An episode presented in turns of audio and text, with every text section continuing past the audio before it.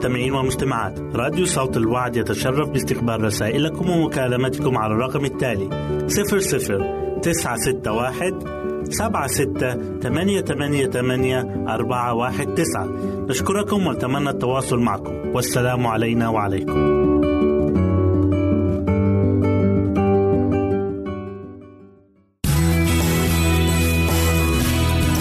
استماع وتحميل برامجنا من موقعنا على الإنترنت www.awr.org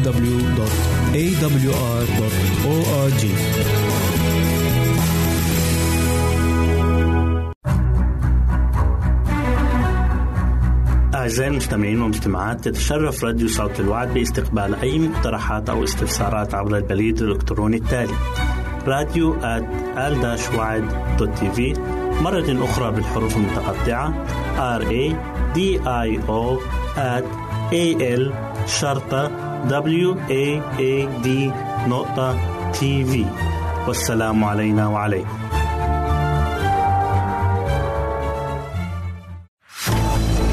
أعزائي المستمعين والمستمعات راديو صوت الوعد لا يكتفي بخدمتكم عبر الموجات الصوتية فقط بل وإنه يطرح لكم موقعا إلكترونيا يمكنكم من خلاله مشاهدة أجمل البرامج الدينية الثقافية الاجتماعية وغيرها من المواضيع الشيقة. يمكنكم زيارة الموقع من خلال العنوان التالي www.al waad.tv مرة أخرى بالحروف المتقطعة www.al-waad.tv والسلام علينا وعليكم.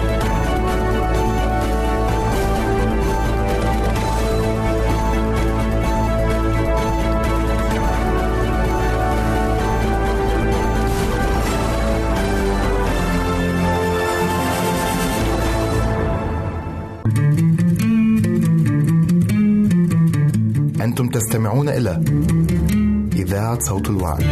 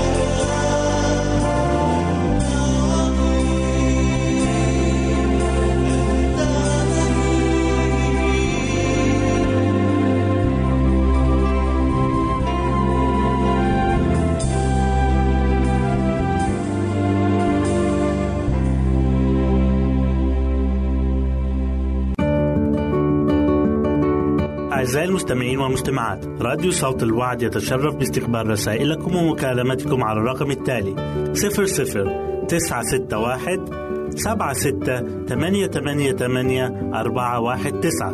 نشكركم ونتمنى التواصل معكم. والسلام علينا وعليكم.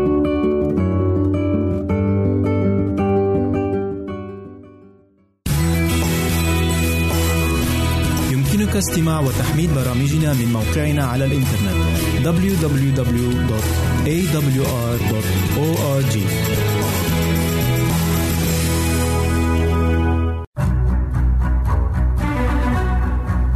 أعزائي المستمعين والمستمعات تتشرف راديو صوت الوعد باستقبال أي مقترحات أو استفسارات عبر البريد الإلكتروني التالي. راديو في مرة أخرى بالحروف المتقطعة R A D I O at A L شرطة W A A D نقطة تي في والسلام علينا وعليكم. أهلا وسهلا بكم مستمعينا الكرام في كل مكان.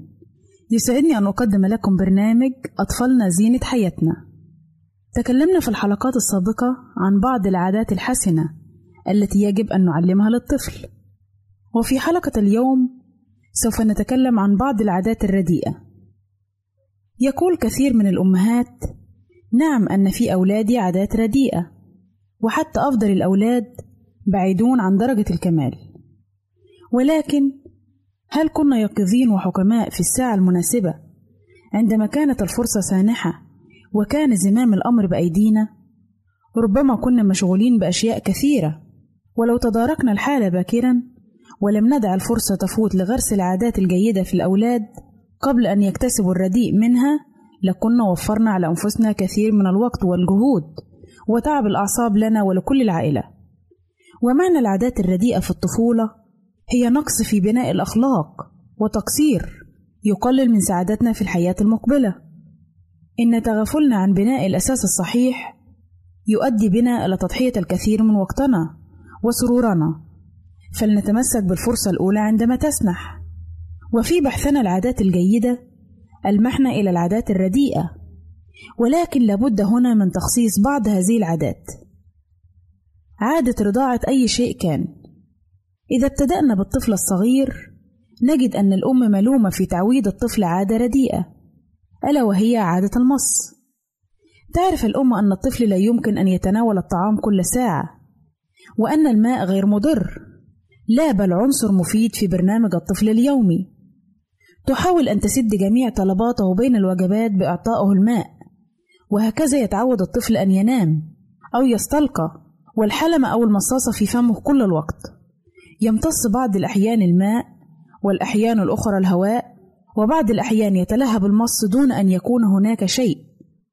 فيتعود الطفل عادة المص ومتى كبر قليلا تستمر فيه هذه العادة. فيعمد إلى التلهي بأي أمر كان يضعه في فمه.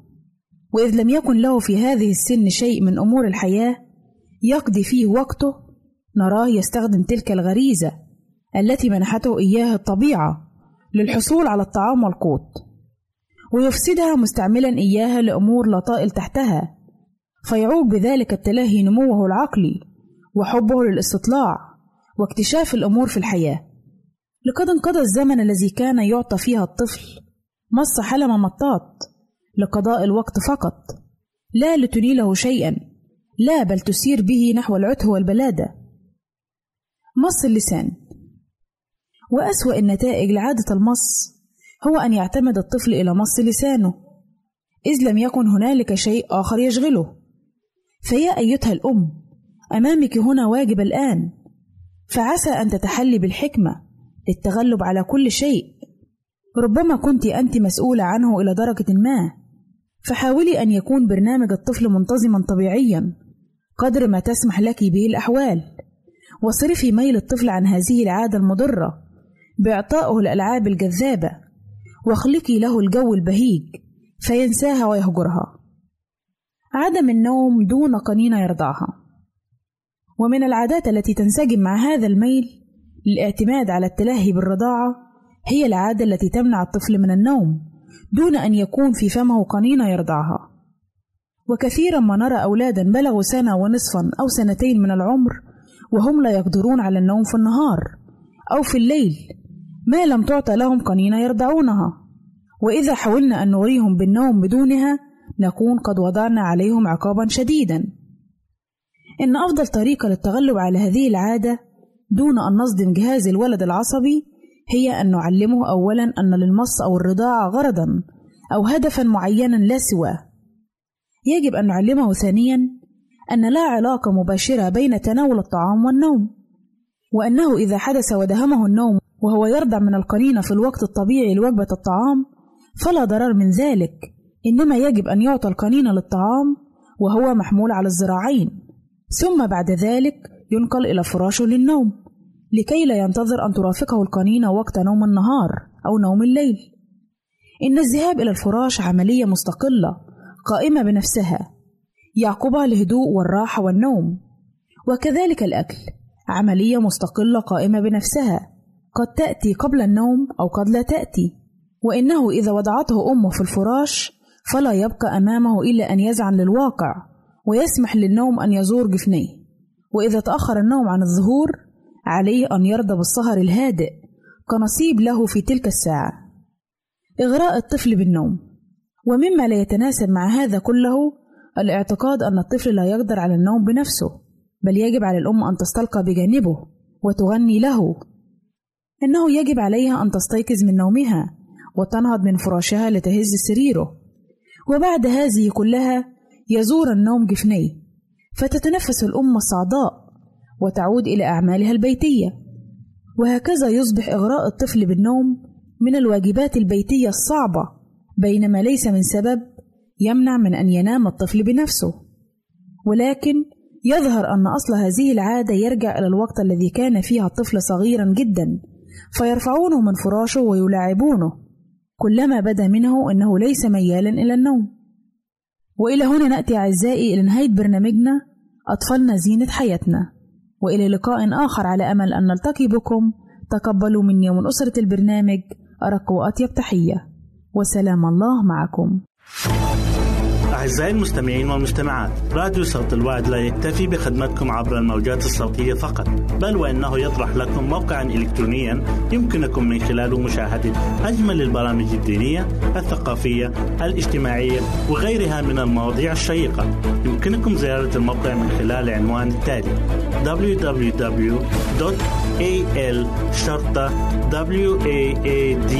www.al-waad.tv مرة أخرى بالحروف المتقطعة. www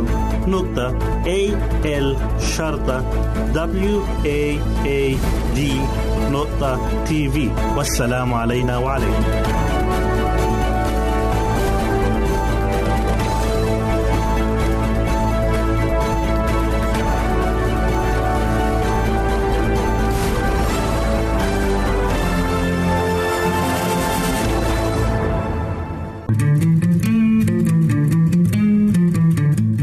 تستمعون إلى إذاعة صوت الوعد.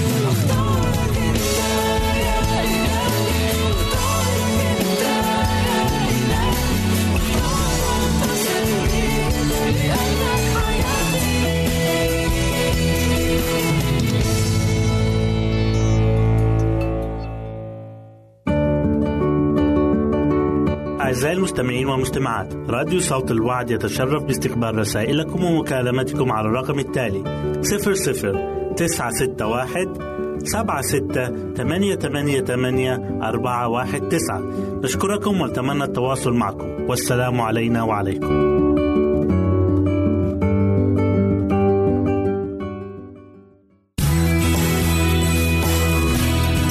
يمكنك استماع وتحميل برامجنا من موقعنا على الإنترنت www.awr.org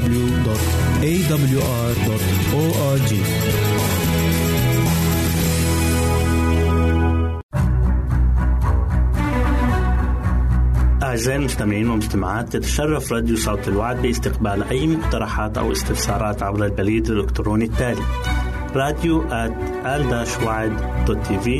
مرة أخرى بالحروف المتقطعة R A D I O at A L شرطة W A A D نقطة تي في والسلام علينا وعليكم. حبايبي الحلوين أهلا بيكم في برنامج قصص وحكايات لأحلى صبيان وبنات. قصتنا النهاردة عن ولد اسمه ماهر. مش عايزة أقول بصوت عالي إن الولد ده كان كسول جدا. لأنه ممكن يزعل مني وأنا مش عايزة أزعل حد مني. لكن الحقيقة إنه كان كسول جدا. ولو طلبت منه إن هو يعمل أي حاجة يقولك أنا مش قادر. وكل مرة تطلب منه حاجة يقولك عذر. يعني لو مرة مثلا قلت له خد كيس الفاكهة ده طلعه لماما فوق في الشقة يقول أنا مش قادر. تقيل عليا. ولو قلت له اعمل حاجة مثلا في المطبخ يقول لك لا ده مش شغلي ده شغل البنات. أنا ولد. وأكيد طبعا كانت كل دي أعذار ما كانتش سبب إلا إنها كانت ناتجة بس عن الكسل. وده بيظهر في مواقف كتير في حياة ماهر إنه طول الوقت تطلب منه حاجة يقول ما أقدرش أنا مش قادر. مع إنها مواقف المفروض إن هو يساعد فيها. لكن في وقت اللعب لما يجي يلعب دايما جاهز وحاضر للعب. ما يقولش أبدا لأصحابه أنا تعبان ولا مش قادر. ومامته طلبت منه كذا مرة وقالت له ده مش عادل يا ماهر إن أنا أعمل كل حاجة لوحدي في البيت وإنت مش بتعمل أي حاجة إلا بتدور على اللعب وبس. ساعدني أنا محتاجة مساعدتك. لكن كلام الأم ده ما أثرش في ماهر أبدا واستمر على الحال ده فترة طويلة جدا. وفي يوم من الأيام خطر على بال الأم فكرة وقالت هو ده هيكون الدواء الشافي لكسل ماهر. في صباح اليوم التاني طول ماهر في النوم وفات وقت ميعاد المدرسة. وكانت عادة أمه هي اللي بتصحيه الصبح. فكان يرد عليها هو نعسان أنا مش قادرة أقوم يا ماما سيبيني شوية أنا بحب النوم. الأم سابته ينام براحته ولما صحي كان الوقت اتأخر على المدرسة. فغضب جدا وزعل وطلب من مامته الأكل. فمامته قالت له معلش أنا ما حضرتش أكل الوقت اتأخر. فقال لها وليه ما حضرتيش أكل يا ماما؟ راحت بصت عليه كده وابتسمت له ابتسامة غريبة وقالت له أنا تعبانة جدا مش قادرة أجهز أكل. راح خرج من البيت وهو غضبان مشي على المدرسة من غير ما ياكل وطبعا وصل المدرسة متأخر. راحت المدرسة بتاعته نبهته بشدة قدام كل زمايله. زاد غضبه أكتر. وبعد ما خلص مدرسة راح وهو ماشي طلع على سور كده في طريقه هو وأصحابه. وقعد ينزل راح فيه مسمار شبك في البنطلون بتاعه وراح مقطع البنطلون بتاعه. ولما وصل البيت قال لمامته يا ماما البنطلون بتاعي اتقطع ممكن تخيطيه؟ قالت له معلش أنا مشغولة جدا مش قادرة. يعني هروح المدرسة كده يا ماما بالبنطلون مقطوع؟ قالت له عادي وإيه يعني؟ روح بيه كده. فطبعا لما ماهر راح تاني يوم بالبنطلون مقطع قعدوا صحابه كلهم يضحكوا عليه في المدرسة. ورجع من المدرسة بعد الظهر جعان وتعبان ومتضايق جدا. فطلب من مامته في اليوم ده إنها تحضر له العشاء لكن مامته ما جهزتش عشاء. فراح استغرب كده لأنه متعود يجي من المدرسة يلاقي الأكل جاهز. فراح قال لمامته أنت ما حضرتيش عشاء ليه يا ماما؟ ما حضرتش مش قادرة.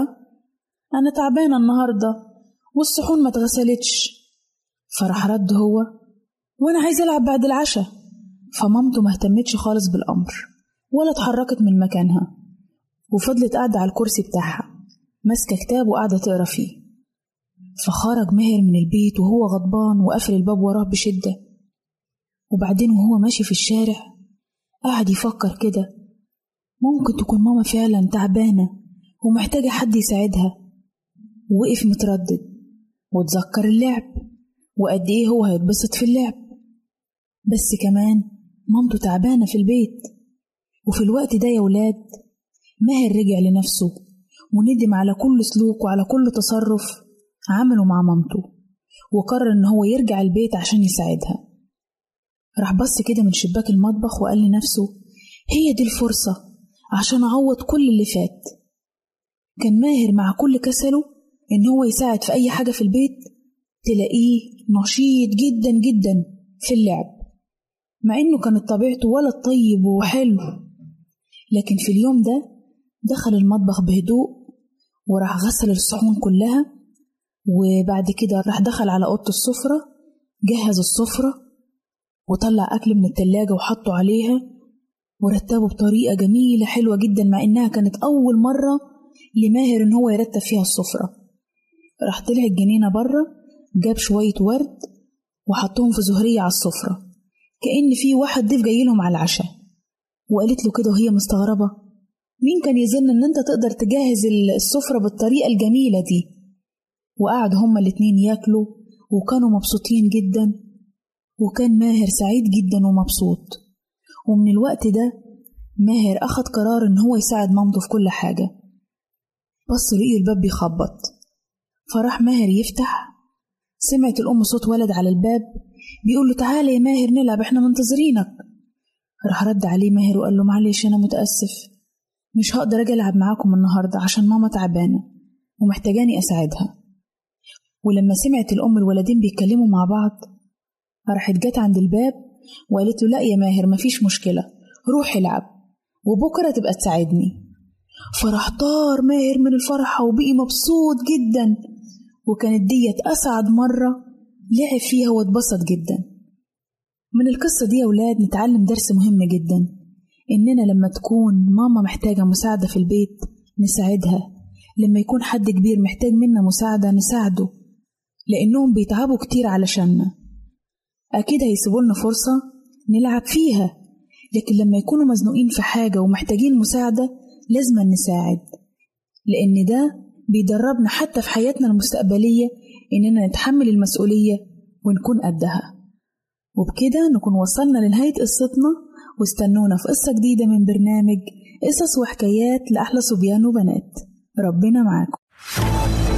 أعزائي المستمعين والمستمعات راديو صوت الوعد لا يكتفي بخدمتكم عبر الموجات الصوتية فقط بل وإنه يطرح لكم موقعا إلكترونيا يمكنكم من خلاله مشاهدة أجمل البرامج الدينية الثقافية الاجتماعية وغيرها من المواضيع الشيقة.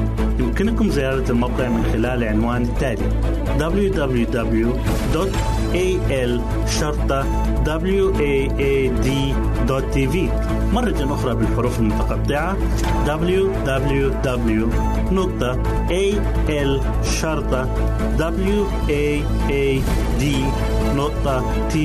والسلام علينا وعليكم.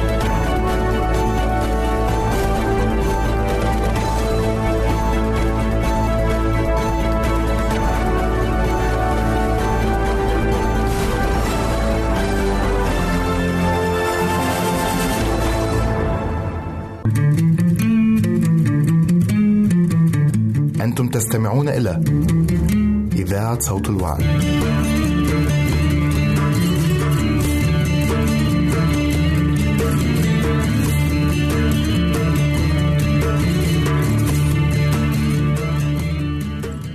قدم نفسي ذبيحة حية ليك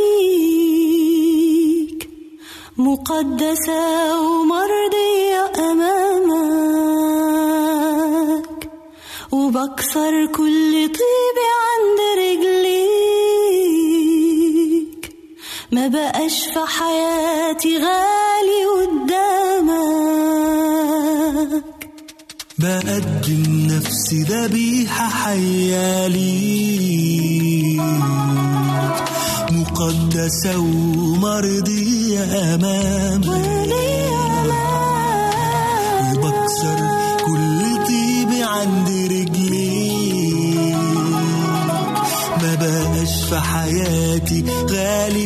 غالي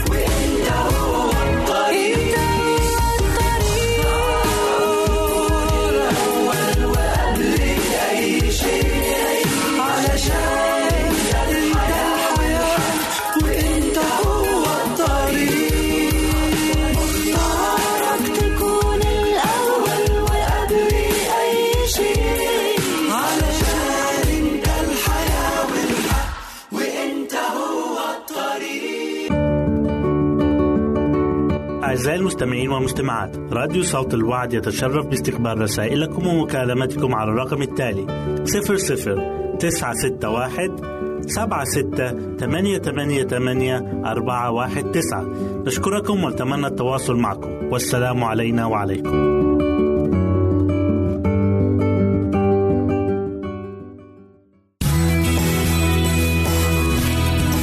استماع وتحميل برامجنا من موقعنا على الإنترنت www.awr.org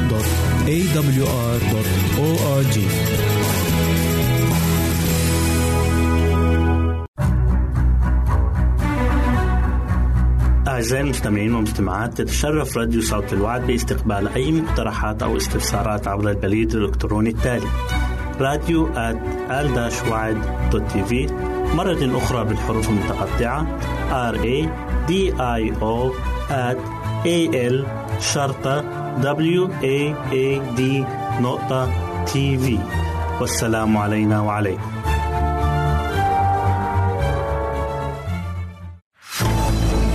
أعزائي المستمعين والمستمعات راديو صوت الوعد لا يكتفي بخدمتكم عبر الموجات الصوتية فقط بل وإنه يطرح لكم موقعا إلكترونيا يمكنكم من خلاله مشاهدة أجمل البرامج الدينية الثقافية الاجتماعية وغيرها من المواضيع الشيقة. يمكنكم زيارة الموقع من خلال العنوان التالي www.al-waad.tv مرة أخرى بالحروف المتقطعة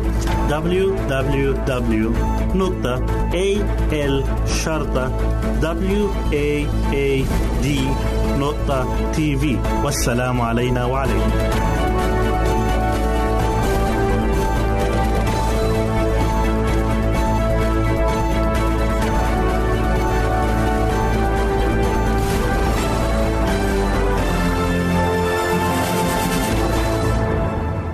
مستمعين الأفاضل.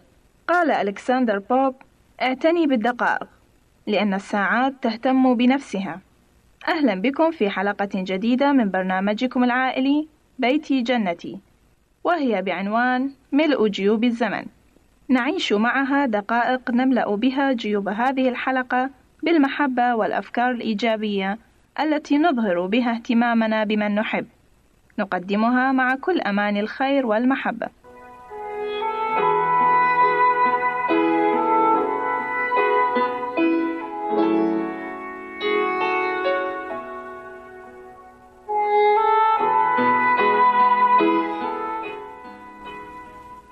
إذا جاءتك التجربة لكي تؤجل قضاء أي وقت مع طفلك إلى أن يتوفر لك الوقت الكثير، فالفرص هي أن أطفالك سيتخرجوا من المرحلة الثانوية وأنت ما زلت تنتظر الوقت الكافي. قد لا تفكر أن ليس لديك الوقت لتقضيه مع طفلك، ولكنك في الواقع تملك الوقت. قد لا تكون ساعة ولكن حتى خمس دقائق كافية لكي تعطي رسالة محبتك لصغيرك. الجيوب اختراع رائع يهدف إلى وضع الأشياء فيها، والجيوب عملت لكي تملأ، ولكي تحمل نقودنا وكنوزنا، وهي أيضا للمفاجآت، وكما تعلم للزمن جيوب أيضا، دقائق هنا وساعات هناك، يمكن استغلالها بطريقة خلاقة. فعندما تفكر بملء حياة طفلك بالمحبة قد يبدو هذا عملا جبارا وبالكاد تعرف أين تبدأ. ولكنك تستطيع البدء بتصور الزمن وكأنه جيوب صغيرة. خمسة دقائق هناك تستطيع ملأها إلى الحافة الآن وليس غدا أو الشهر القادم أو السنة القادمة. فالأمهات العاملات بشكل خاص عليهن تشجيع عادة ملء كل جيب فارغة من الزمن بالمحبة في الحال. فيجب ألا يشغلن فكرهن قائلات متى سأجد الوقت؟ ولكن بدلا من ذلك ليقلن لدي خمس دقائق من الزمن. ماذا بإمكاني أن أعمل بها الآن؟ لأنقل رسالة إني أحبك لابني. دعني أساعدك للبدء بطرح بعض الأفكار. لماذا لا تكتب ملاحظة تعبر عن محبتك لطفلك؟ لن يأخذ منك وقت طويل لتكتب كلمة أحبك مع بعض كلمات التشجيع لصغيرك. أو اتصل به هاتفيا أينما كان. وإليك قصة السيدة منال. تقول هذه السيدة أتذكر مرة أني سافرت إلى بلد آخر وهناك سمح لي باستعمال الهاتف حيث كنت أقيم. ففي الحال اتصلت بابنتي في المدرسة. فذهبت سكرتيرة المدرسة تبحث عن ابنتي إلى أن وجدتها. فأعطتها الهاتف قائلة إنها أمك. تتصل من مكان بعيد. استغربت ابنتي لمكالمتي فسألتني هل من شيء خطير حدث؟ فقلت لا بل أريد أن أطمئن عليك وأؤكد لك محبتي. اندهشت ابنتي وصديقاتها لمثل هذه المكالمة البعيدة. لن يأخذ منك وقتا طويلا لتأخذ صغيرك إلى المطعم لتناول الطعام. اشتري له شيئا أو اعمل له طائرة ورقية. أرسم صورة لابنك وهو يقوم بعمل ما. واكتب قصة صغيرة تحت الصورة. أو ألف أغنية مسلية عن طفلك. اشتري هدية وقدمها له كمفاجأة. العب معه لعبة يحبها. اقرأ له قصة أو انظرا معا لبعض الصور المتحركة. وإذا كنت معه في البيت تباريا معا في لعبة منافسة أو التماسك بالأيدي أو اشرب معه كأس عصير فواكه يحبها. اكتب ملاحظات محبة قصيرة. وخبئها في أرجاء غرفته ليجدها في الأيام المقبلة. كل هذه الأفكار هي اقتراحات رائعة لملء جيوب خمس دقائق من الزمن. أعتقد أنك الآن قد فكرت بعشرات الأفكار الخاصة بك لملء خمس دقائق من جيوب الزمن. لماذا لا تبادر الآن وتمنح طفلك الاهتمام الذي يحتاجه ليشعر أنه مميز في نظرك وتملأ وقته بكل الرعاية والمحبة؟ لماذا لا نعمل بهذه النصائح ونملأ أوقات أحبائنا الصغار بكل الاهتمام والمحبة؟ لنفرح بصحبتهم وهم معنا قبل أن تأخذهم الكلية أو العمل أو الزوجة منا. دمتم لكل هذه المحبة سندا. وهذه أمل نبيل ترجو لكم بركة الله وفي سلام الله نستودعكم.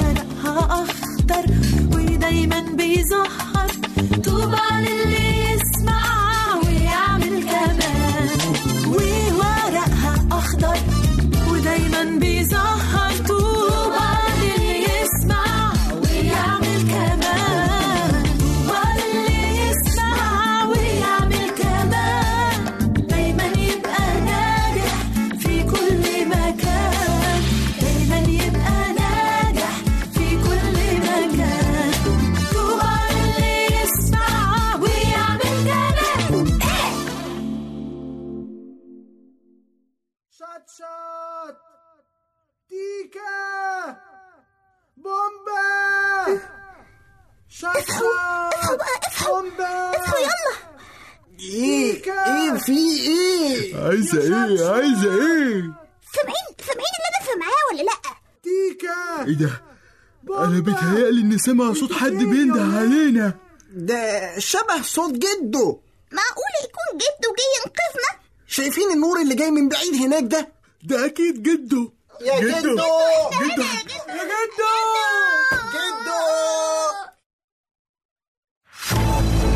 أعزائي المستمعين والمستمعات راديو صوت الوعد لا يكتفي بخدمتكم عبر الموجات الصوتية فقط بل وإنه يطرح لكم موقعا إلكترونيا يمكنكم من خلاله مشاهدة أجمل البرامج الدينية الثقافية الاجتماعية وغيرها من المواضيع الشيقة. يمكنكم زيارة الموقع من خلال العنوان التالي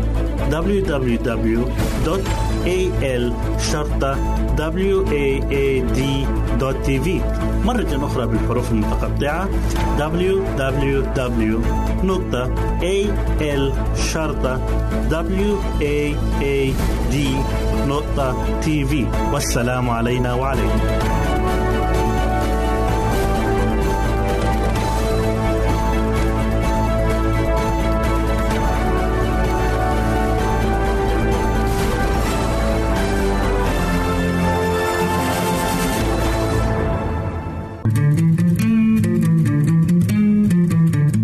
أنتم تستمعون إلى إذاعة صوت الوعي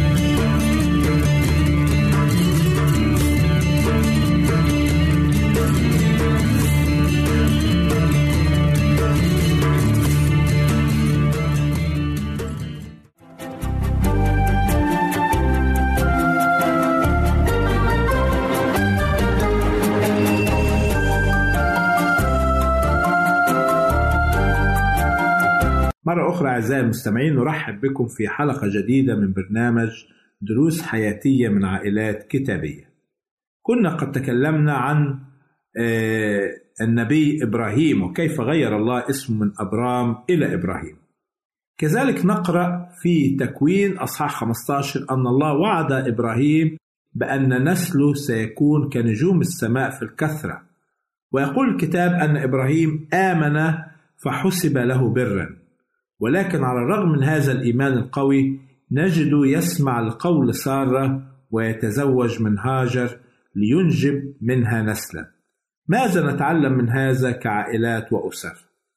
بالفعل كان إبراهيم لديه إيمان قوي في مواعيد الرب ولكننا نجد يسمع القول سارة ويأخذ هاجر زوجة له ليرزق منها بنين قد يكون تصرف إبراهيم هنا له مبررات هو وضعها لنفسه. من الممكن أنه فكر أنه بهذه الطريقة يساعد في إتمام وعد الله له. ولكن لو كانت إرادة الله أن يعطي إبراهيم نسلا بهذه الطريقة لكان أخبره منذ البداية. ولكن نجد أن إبراهيم وسارة تسرعا في هذا الأمر. وهذا الشيء قد يحدث في بيوتنا بطريقة أو بأخرى. فكما كان الله يعتني ببيت إبراهيم وسارة هو أيضا يعتني بكل بيت من بيوتنا وكل عائلة من عائلاتنا. وكما أعطى لإبراهيم مواعيد كثيرة فهو يعطينا أيضا مواعيد في الكتاب المقدس. ومع كل هذه المواعيد لنا آية هامة في الكتاب تقول انتظر الرب واصبر له. ولكن للأسف هناك العديد من الأسر والعائلات حدث فيها انفصال بين الزوج وزوجته بسبب عدم الإنجاب. هناك العديد من الأسر والعائلات عاشوا حياة فقيرة بسبب أمانتهم وعندما أرادوا أن يصيروا أغنياء أدى بهم ذلك إلى السرقة والاختلاس والحصول على المال بطريقة لا ترضي الله. وأشياء أخرى مثل هذه تدفع البيوت والأسر إلى التسرع والاندفاع. ظانين منهم أنهم بتصرفهم هذا سيجلب السعادة والسلام إلى بيوتهم. أريد أعزائي المستمعين أن نقرأ آية هامة في سفر المزامير من الكتاب المقدس المزمور 139 والأعداد الخمسة الأولى. تقول كلمة الرب يا رب قد اختبرتني وعرفتني. أنت عرفت جلوسي وقيامي. فهمت فكري من بعيد. مسلكي ومربض ذريت وكل طرقي عرفت. لأنه ليس كلمة في لساني إلا وأنت يا رب عرفتها كلها. من خلف ومن قدام حاصرتني وجعلت علي يدك. عجيبة هذه المعرفة فوقي ارتفعت لا أستطيعها.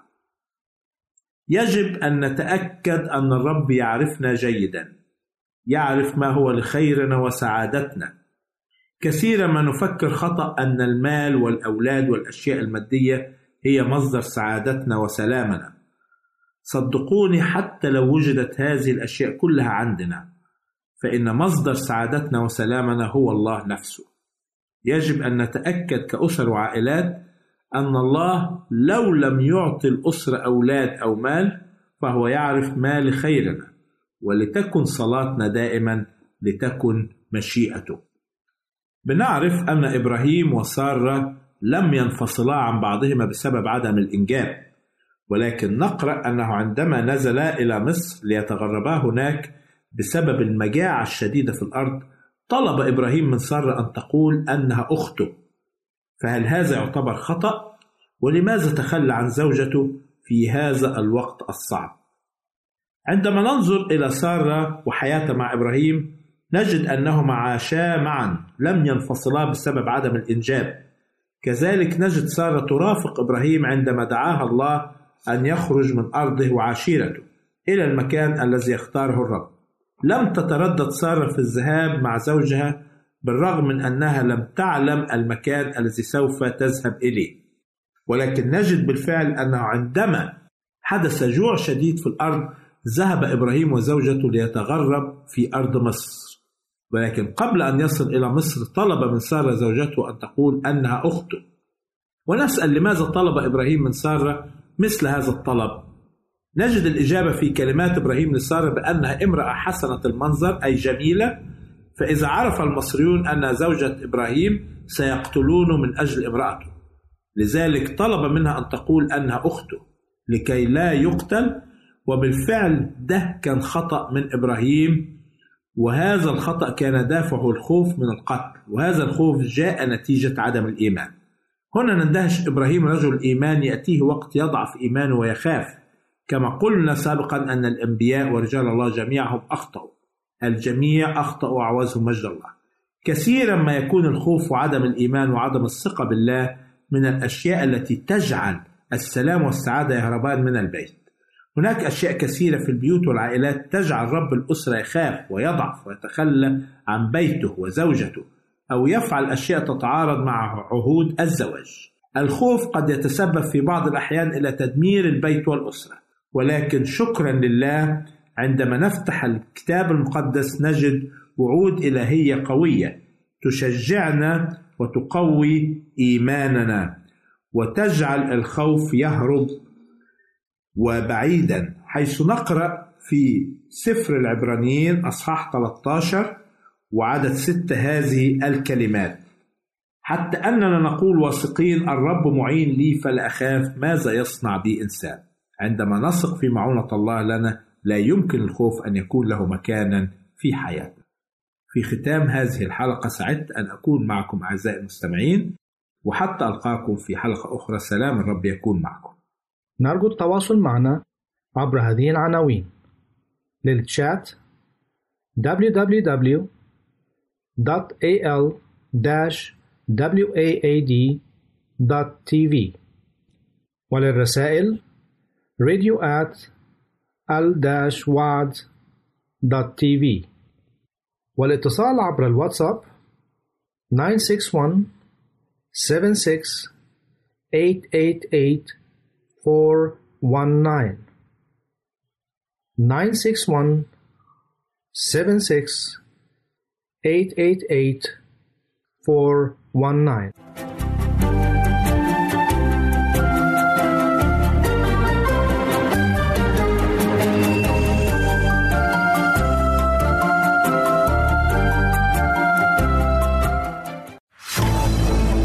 أعزائي المستمعين والمستمعات راديو صوت الوعد لا يكتفي بخدمتكم عبر الموجات الصوتية فقط بل وإنه يطرح لكم موقعا إلكترونيا يمكنكم من خلاله مشاهدة أجمل البرامج الدينية الثقافية الاجتماعية وغيرها من المواضيع الشيقة. يمكنكم زيارة الموقع من خلال العنوان التالي www.al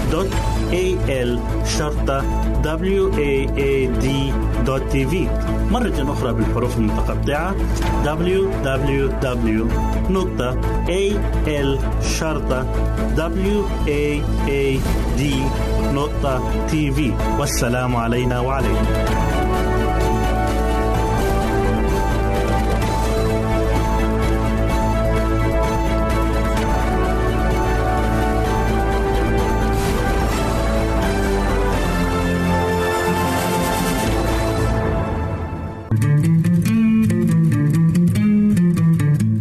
تستمعون إلى إذاعة صوت الوعد.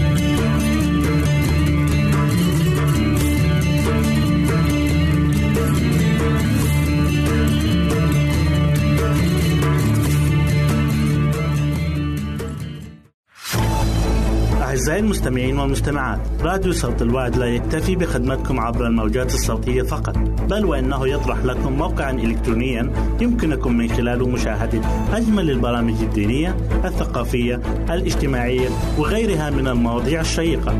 يمكنكم زيارة الموقع من خلال العنوان التالي